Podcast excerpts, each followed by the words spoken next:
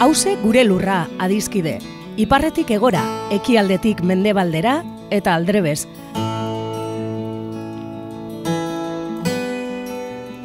Lurra bakarra dugu edo gaituen lur bakarra da hause. Eta zaintzak dan hori dagokigunez, hemen horretaz egingo dugu berba.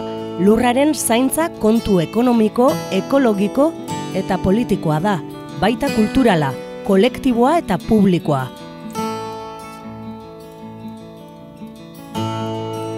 Ekopol taldeko Iñaki Bartenak eta Josu Larrinagak hause gure lurraren zaintzak dituen ataka eta kontu importantei buruz hitz egingo digute. Lurrosoaren erasoak ezin garaitu zezakeen hiri bat ikusi nuen ametxetan. Kaixo lagunak, berriz ere, hause gure lurra, irratzaio ekologista eta ekologikoa, e, ekopoleko lagunok egiten duguna, eta gaur ere gurekin Josu Larrinaga, kasetaria, soziologo eta antropologoa, e, antropologia klaseak emate dituna Euskal Herriko Unibertsitatean. Kaixo Josu, que gaur zer, zer da e, ikutuko duzun gaia. Bueno, ba, gaur zombi prometeikoak e, e, ditugu gai moduan. E, hau, bueno, podcast hau apurtxo bat ensaio, ensaio orokorra publikoarekin da. E, podcasta grabatzen ari garen e, maiatzeko egun honetan e, gero hitzaldi bat egin behar dute arratzaldean e, koetxean e, HT gelditu elkarlaneko lagunek e, konbidatuta, ba, purtso bat hori ba, HTren kontu berriak, e, orain e, basaurin dagoela mehatxu handia, e, zera e, geltoki provisional bat egiteko, eta bueno, horren inguruan, eta eskatu zieten tituloa, eta titulo hori okurritu zitzaidan, eta orain esplikatu behar, ezta? Lehenengo adjetiboarekin hasiko gara, prometeismoari buruz askotan hitz egin dugu irratza honetan, e, badaude hortik podcast batzuk e, non prometeismo mota diferenteak ere aztertzen diren, neoliberalismoa, ziberkomunismoa ere, ere jorratu genuen, bueno, hitz egingo dugu gero horri buruz, ezta? E, prometeismoa azkenian da diskurso bat edo da narratiba bat, baina badabe bai ideologia bat eta nola ere bada gure sistema kognitiboan oso oso arrotuta daukagun e, marko e, kognitibo e, sakon bat e, leikofek e, dioen moduan, ez da? Horregatik, askotan e, joera daukagu e, errealitatea e, ulertzeko gizakiok e, marko prometeiko horren arabera, ez da? Eta prometeismo horrek zer esaten du, ba, esaten du, azkenean gizakiok hemen gaudela nolabait natura menperatzeko, beste izaki bizidun guztiak menperatzeko, eta hori egiten dugula teknologiaren bidez, teknikaren bidez eta eta horre gainera ez duela inoiz kale egiten. Eta kale egiten badu eta problema bat sortzen badugu teknologia gehiagorekin edo teknologia beste buelta batekin e, konpondu dezakegula, ezta? Esan dezakegu gaur egun e, krisi klimatikoaren aurrean eta pikoilaren aurrean eta bat, ba, nolabait e, diskurso hori edo ideologia hori, diskurso eta ideologia ere badira, ba, nolabait e, krisian dagoela, ezta? e, porrot egin duela, baina beste alde batetik hori oso marko kognitibo sakona dugulako, ba, nola baite askotan ere agartu egiten da ezin espero den e, lekuetan ere edo prozesuetan, ezta? Eta beste alde batetik esan behar da, ba nola ere marko kognitibo horrek segurazki bermatzen duela edo albidetzen duela ba zientziaren alorra garatu izana eta bueno, eh nola baite inoiz aipatu dugu John Gray esaten duen moduan, Thomas de Kinsey e, e, parafraseatuz, ba, dentistaren gana joaten garen bakoitzean, e, batez behadin bat daukagunok, konturatzen gara aurrera bide teknologikoa edo teknikoa egon badagoela, ezta? Baina kontu etiko eta politikoetan e, hain, hain modu linealean e, aurrera bidea edo zera ulertzea hori askozaz e, komplikatuago da, ezta? E, esaten dut hori, ba, prometeismoa e, leku askotatik agertu daitekela, ez da? E, orain dela gutxi, e, Euskal Herriko Unibertsitatean e, e, ikasle batzuk e, nolabait bultzatzen duten herri unibertsitatea, pentsatzen da nolabait ba, hori zientzia alternatiboa, pensamendu alternatiboa eta bultzatzen dela, ba, itzaldi bat egon da acelerazionismoari buruz, ez da, da, gauden e, krisi zibilizazionalaren aurrean, azeleratu ditzagun e, desastrea, eta hortik sortuko da nolabait iraultza berria, ezta? E, azkenotan ikusten ari gara ere ba, gaztetxetan egiten direla itzaldiak e, e, energia nuklearra bai ala ez, ezta? Nolabait ba, planteatzen delako, planteatu daitekela zenbait posizionamendu politikoetatik e, agian transizio ekologikorako eta ba, energia nuklearra ongarria, onuragarria izan daitekela, ezta? e, zenbait feminismotan edo transmogimenduetan teknologiarekiko e, fede, fede iaia itxua erabatekoa da, ez da, nolabait gure e, gorputzaren, e, gure gorputzen autodeterminazioa aldarrikatzen denean, e, guk nahi duguna izan aldugu zientziaren bidez, eta zirugiaren bidez, eta biokimikaren bidez, ba, bueno, hor ere nire ustez, e, prometeismo handia dago, baina e, zombi prometeikoak esan nahi dugunean ere, ba hori, zombi, zombi figura aztertu behar dugu, ez da, zombiak e, nola baite, bueno, ba, haitiko e, kultura popularretik hartutako figura bada, gero pop kulturan asko edatu dena, zineman eta telebistan eta bar, eta zombiak dira hilda dauden, baina aldi berean bizirik dauden e, espektro batzuk e, e, beringuruan dana hiltzen dutenak eta baina hiltzen duten guzti hori bilakatzen dutena ere e, hildako animatuak edo bizidunat e, nola baita ez da. Eta ba, nik hori e, irudi hori erabili nahi nuen adibidez atzeteren e, proiektua aztertzeko ez da. Atzeteren e, e, Euskal Igrekoaren proiektua diskursiboki, ideologikoki hilda dago, e, e, inkluso bultzatzen dutenek gero eta e, ezin egon handiago erakusten dute, azken e, e, urteotan, e, azken hilabeteotan entzun diren e, deklarazio batzuk politikoenak eta hortuzar eta horrena esan ez, bueno, baina hau ere ez da inoiz bukatuko, beti daude atzerapenak, e, nola baiteko proiektuarekiko fedea galdu dute, baina aldi berean e, atzeteren proiektua aurrera darrai eta aurrera darrai e, ba, e, kalteak egiten ez da e, alde batetik e, hemen Euskal Herrian bueno, ba, Euskal Herrian nazionalismoa oso marko kognitibo potentea dabe bai, eta oso ideologia potentea dabe bai, eta nazionalismoa modernista da, kasu gehienetan, bere e, herrialdea modernizatu nahi du, eta gure Euskal Herri honetan ba, nazionalismo e, nagusiak e, oso oso modernista da, eta oso oso atzeteren aldekoa da, ez da? E, baina kontu diskursibo eta ideologikoa aparte, ba, hor dago ere e, sistemaren logika, eta sistema politiko-ekonomikoaren logika, alde batetik e, e, bueno, porlana, e, obrak, e, herri lana handiak e, populismo egiteko ere balio dute, ezta? E, Bizkaia honetan e, adibidez Bizkaiko diputazioak egunero egiten du populismoa egingo dituen obrak e, e, zerrendatzen eta hori baino ezin duela egin badirudi.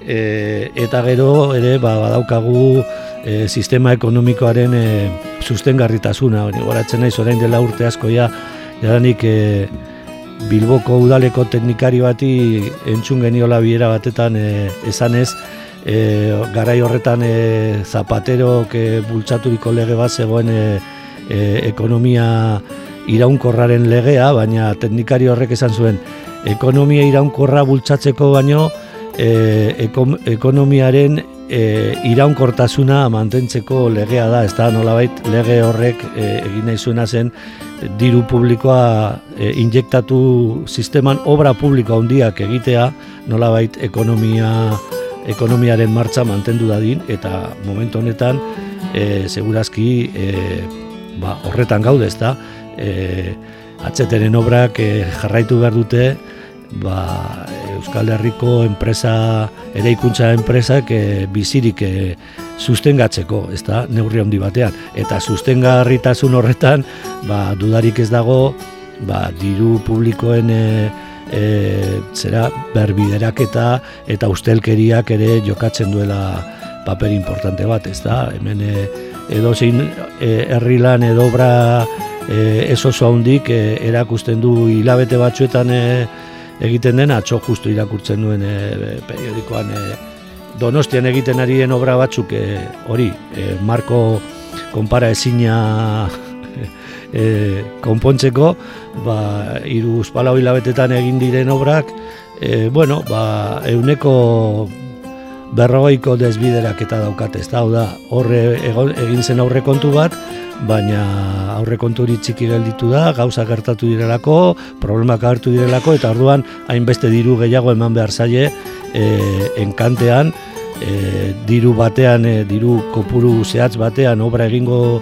e, dutela esan zutenen enpresen e, onerako, eta askotan desbiderak eta hoietan ere gordetzen dira ba, politikar, agintean dauden politikarientzat eta alderdi politikoentzat egiten diren e, diru desbideraketak, ezta.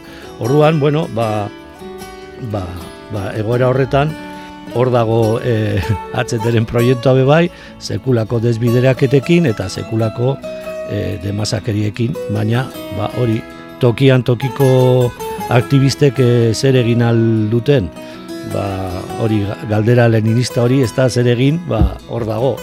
E, ekologismoan e, azken urteotan e, Andreas Malm e, e, pensalariak e, aldarrikatu du nolabaiteko leninismoa, e, ba, botere politikoa eskuratu behar da, eta hortik politika nolabaite zorrotzak egin, ez dakit hori den e, e, irten bidea Euskal Herrian, edo, edo irten bidea, edo nolabaite atera bidea, edo jarrai bidea atzeteren kontra, bada, ba, bueno, ba, egoera hauek salatzen segitzea eta tokian tokiko borrokak eta trabak e, egitea nolabait proiektua hilda dagoen eta segurazki ba, agian bukatuko ez den proiektua ba, ba, ez dezala segi e, diru publikoak zurrupatzen eta kalte ekologikoak bultzatzen, ez da? Oso ondo, Josu, ba, gauza asko nahi gaineratu dituzu, nik e, reflexio moduan Bueno, etorri zait burura, duela gutxi entzundakoa, claro, Euskal enpresarioen e, bilkura baten, CBK kantoratako bilera batean, e, Josu Joni Masek esan zuen, claro, Josu Joni Masek e, Repsolen e, bueno, izenean agertzen agertu zen, eta kasetariek esaten zuten moduan, oso gutxitan agertzen da olako estabaidatan, edo olako agertzen publiketan, baina, claro, egoera larrian gaude eta orduan e, olako pertsonaiek esan behar dute eta esaten, esaten zuen txarto egiten ari garela transizio energetikoa kasu hontan eta birpentsatu behar dugula, ez? Eta, bueno, kuriosoa, ikusten baldin baduzu esaten dituen gauzak, markatu baina niko zidatzen dut bai, hau zombi prometeiko bat, ez? E, Ulrik Bekek, Ulrik Bekek esaten zuen, e, instituzio zombiak ditugula mundua gobernatzen eta esaten zuen mundu bankua nazioat e, FMI hori e, mundu e, funtza eta eta munduko zera, e, merkataritza erakundea, ez? Ba, bueno, bueno, gure gobernarien e, jokamoldeak eta, bueno, ba, ba, nolabait e, zombi hauei jarretzea da. Eta kurioso da gustatzen zait zombiarena, eta gustatu zait e, planteatu duzun e, e, ideia hori, zeren e, abiadurak handiko trena, e, begiratzen badi baduzu emerotekan, e, izendatuta dago munduko trenik edo tre, az, oza, abiadur handiko tren geldoena edo mantzuena, ez? Ba, 2006an hasi ziren obratekin, eta bueno, pasatu dira dekada terdi baino gehiago, eta, bueno, hor, hor diraute problemakin, problema nagusiekin, eta bar, ez? Baina, karo, e, Josu Joni Mazen hitzetan adibidez agertzen dira kritika batzuk, transizio energetikari buruz guk ekologisto konpartitu behar duguna. Adibidez, pasadan egunean Antonio Turelek esaten zuen, ez? Transizio energetiko baten, petroleoa e, jarraitu behar dugu erabiltzen, dudari gabe, adibidez, energia berriztagarriak martxan jartzeko behar ditugu baliabide fosilak. Eta beste gauza bat esaten zuena, eta turielek bebai esaten zuena, eta e, ezin dugu dana elektrifikazioan, esatu, dana ezin da elektrifikatu. Behar ditugu beste, eta turielek esaten zuen, oraindik behar dugu hidroelektrikoa eta beharko dugu e, hidrogenoa eta beharko dugu, ba, nolabait, elektrizidadea asistitzen esenean erabiltzen genituen e, formak edo, edo vektoreak energia erabiltzeko, ez? Horretan adoz gaude. Claro, seguru nago hori gertatzen e, aldaketa klimatikoaren parean algorerekin, ez? Algorek esaten zuen, e, bueno, ba, ba, aldaketa klimatikoa oso zera bai, diagnostikoan egon gaitezke adoz, baina gero mm, jatorrietan, hau da, zergaitik gertatzen da gertatzen dana, ez? E, kausatan.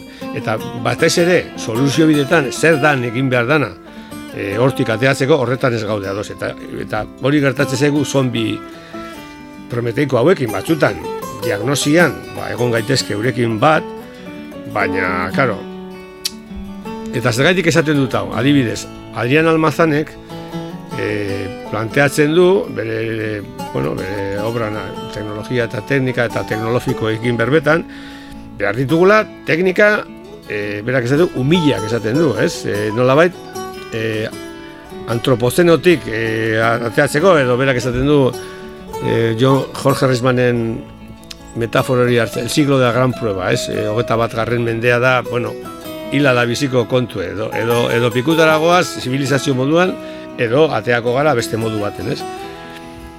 Eta orduan, etortze zei bebai burua, claro, obrak, obrak, obrak eta obrak esaten duzuna zuk, eta e, duela gutxi bebai, Jose Manuel Naredo aurkeztu du bere liburu berria, la kritika agotada, e, claves para un cambio de civilización, da, mm, ezin dugu, e, politika berdinekin e, arazoa konpondu. Hau da, arazoa konpontzeko politika berria behar ditugu. Eta berak esaten du, orduan, bueno, berak esaten du, e, e, egoera e, kaotiko batetik, berak esaten du, e, kako egoera batetik nun kaosa dan nagusia, ba, joan behar dugu, e, egoera integral berri batera nun e, nolabait e, ekozentrikoa dana, hau da nolabait bizitzaren eta lurraren e, oinarrietan egiten dana. Hori da nolabait, bueno, nik ez dakit ekoleninistek, e, hau da, e, botere hartzea eta dena, oza, ez, botere hartu eta segi aurrera, ez, hori batzutan ikusi dugu botere hartzearekin, ikusi dugu Latinoamerikan, ez, botere hartzen duzu, baina gero gauzak ez dira asko aldatzen. Edo, edo aldatzen dira, igual sozialean zeo zer, baina e, e, sistema soziopolitiko ekonomikoaren funtzionamenduan gauza gutxi aldatzen dira, ez? Ez dakit, merezi du, nik uste dut, HTren e, gako bada, e, zuka aipatu duzu, ez? E, obrak bertan berak gelditzen baldin badira, hamar urtetan egindakoa desagertuko da. Eta astuko dugu erokeria ez? Orain, baina ez e, jende askok eskerrekoak, atxeterin kontra daudenak ere bai, esate dute, bueno, baina ja, nahiko eginda dago eta jarrai, nahiko eginda dago jarrai dezagun. Hori da soluzio bidea, jarraitzea e, naiz eta erokeri bat izan, ez, erokeria baldin da, langa eh, estutu, eta aldatu norabidea. Hori da nire, nire ikuspuntua, baina zaila dugu herrialde nazionalista honetan. Bai, bai, ez dakoa, ez da, prometeismoa blaitzen gaitu eta gure, gure kognizioa oso oso barru barruan dago, ez da. Josu Joni mazen e, zera, deklarazio joiok oso esanguratsua da, nola titularra, ez da, ezke Europar batasunean ideologia larregi dago e, aldaketa klimatikoan inguran, eta teknologiari, ez da jo, kasu egiten, hau da, teknologia nola kokatzen du altare moduan, ez da. E, niri ustez eta hori, ba, nazionalismo prometeikoa aipatzen duzula oso izanguratsoa da, e, ba, bueno, e, azken e, hilabeteotan e, ikusi den prozesu bat, ez da, e, hau da, e, ekonomiaren sustengarritasuna edo ekonomia, ekonomia konvenzionala e, mantendu behar dela, e, e, momentu honetan, e, Euskal Herriko enpresariek eta lobby bat antolatu dute argita garbi nolagait politika publikoetan ondino eragin gehiago lortzeko, ez da, zedarriak izendatu dute lobby hori, baina oso kurioso izan da, e, lobby horrek egin duen lehenengo txostenean, e, bueno, esan dute e, Euskadik, e, erkidego autonomikoak jadanik ez duela betetzen nola baita ekonomia edo enpresa iniziatibetan ez daukala lidergo posizionamendurik, ez da? Eta horrek, e, filtrazioetan eta ikusi denez, asko azerretu du lendakari bera, urkullu jauna, eta azken egunetan irakurri duguna izan da e, lobby horretatik alde egin dutela ba, persona esanguratsu batzuk hain zuzen ere urkulluren e, aldamenekoak e, direnak, ez da, Juanjo Álvarez katedratikoa eta e, Mondragon e, korporazioko andra bat, eta hau da, e, lobby, enpresarioen e, lobby batek esan e, ikutu dio nola bai lendekariari ikutu dio bere bere ideologia, bere diskursoa, bere fedea, bere sinismena eta sinismen hori da e, ba, hori e, Euskadin garela sekulakoak eta bi. Eta hori esan zaio esan zaionean nola bai bere proiektua e, porrot eginda dagoela ba, sekulako azerre e, sortu da, ez da, bueno, ba, nire ustez esan da e, nola baite zombi prometeiko hiek ere, ba, bueno, zombien pelikuletan eta askotan gertatzen da. Zombiek beraiek oso arriskutsuak ematen dutela, baina gero hilzorian daude berriz ere edo ez daukate inbeste botererik. Ez da, segurazki alako momentu batean gaude prozesu honetan. Baina, bueno, zombiak hori lantzean behin bedoi berpisten dira, zuk esan duzun bezala, e, badirudi batzuk ari direla zombi nuklearra berriz e, era berritzen, Eta bebaik asko kezkatzen nau, bebaik aipatu duzun hori, ez? E, badaude korronte feminista batzuk, e, ez direla ekofeministak, guztiz kontrako, hau da, ari direla planteatzen, e, bueno, bide teknologikoetatik e, gure gorputzen askapena etor daitekela modu teknologiko berri batean, ez? Eta, bueno, nire gustorako oso pentsamendu zuria da, oso pentsamendu mendebaldekoa da, oso pentsamendu acelerazionista da, eta bueno, nik uste dut e, bori, e, bai alde horretatik esango nuke nahiko zombiak direla planteamendu horiek. Baina bueno zorionez Euskal Herrian oraindik feminismoan ez dira hain, hain, hain topetorrekoa baina beste munduko beste leku askotan bai ez? Eta bueno, komentario horrekin batera a ber, gustatuko lizedek egitea ze, ze, ze motako kanta e, karri diguzun e, zombi honi hauei dedikaturik Bueno, kanta, kanta Viva Las Vegas da. Ah, bai. E, Viva Las Vegas da e, Elvis Presley idatzi zuten e, zera, Mortzuman eta Doc Pomusek idatzi zuten kanta bat Elvis Presley zen e, pelikula baterako, e, hori Viva Las Vegas. Gero Death Kennedy e, punkiek egin zuten oso berzio jatorra, baina gaur nik ekarri dut e, e, Richard Cheese eta Alison e, Crowek e, kantatzen duten e, berzinoa, baina berzino hori dago zombien pelikula batean, ez da, e, Zack Snyder e, izeneko e, zinema zuzendaria e, blockbusterrak edo hori e, supererien pelikulak eta egiten ditu, baina orain dela gutxi ikusi nuen e, bere pelikula bat, e, The Army of the Death, e, eriotsaren e, armada, e, zombien pelikula bada, Eta Zack Snyder e, bada oso ona, e, hemen falta zaiguna irratza jo hauetan e, e, sintesi, sintesia, sintesi cinematografika oso ondo egiten du eta pelikula horretan, pelikula horrek dauka prologo bat e, non e, kontatzen da, minuto batzuetan, e, nola Las Vegas e, irian sortzen da e, virus zombi bat eta ba, sistemak berehala gobernuak e, itxidura bat egin behar du Las Vegas inguruan Las Vegas e, isolatzeko ez da? Eta orduan e, guzti hori esplikatzen da Biba Las Vegas hau entzuten den e, bitartean. Beraz e, ba Biba Casinoak Biba Capitala Biba Las Vegas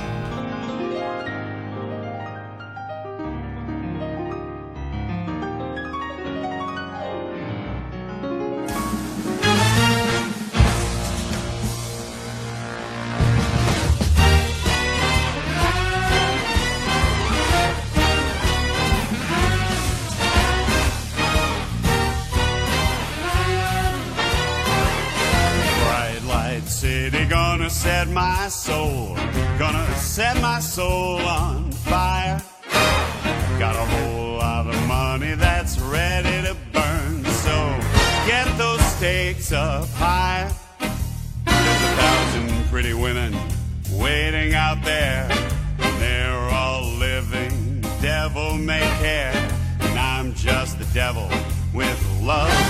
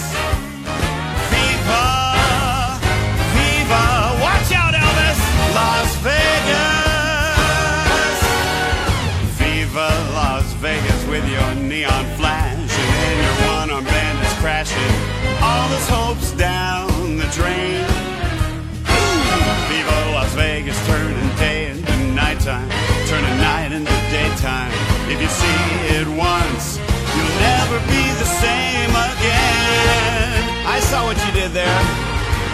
And now, ladies and gentlemen, joining me at the microphone, Ms. Allison Crow.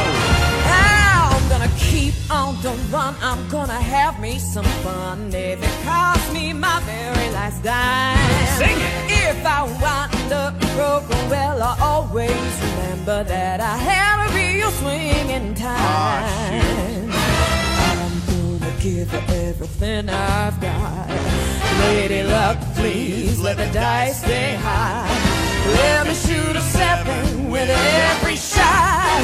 I'm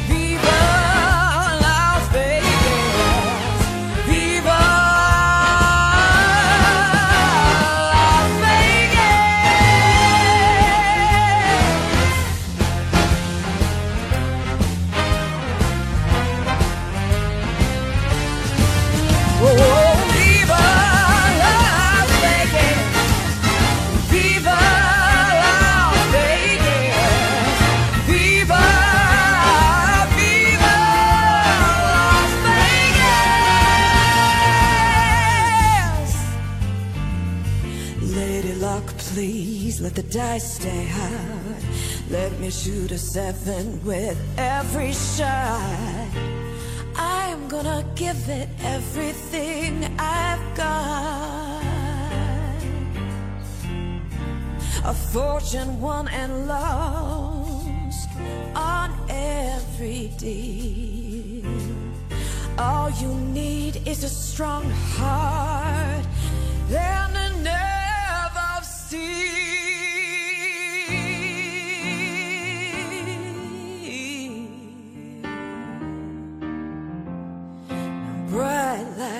City, gonna set my soul, gonna set my soul on fire.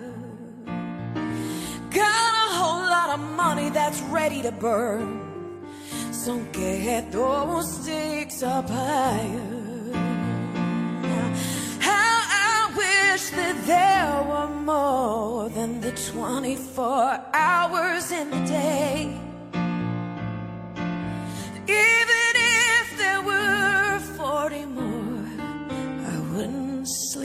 Minute away. Oh,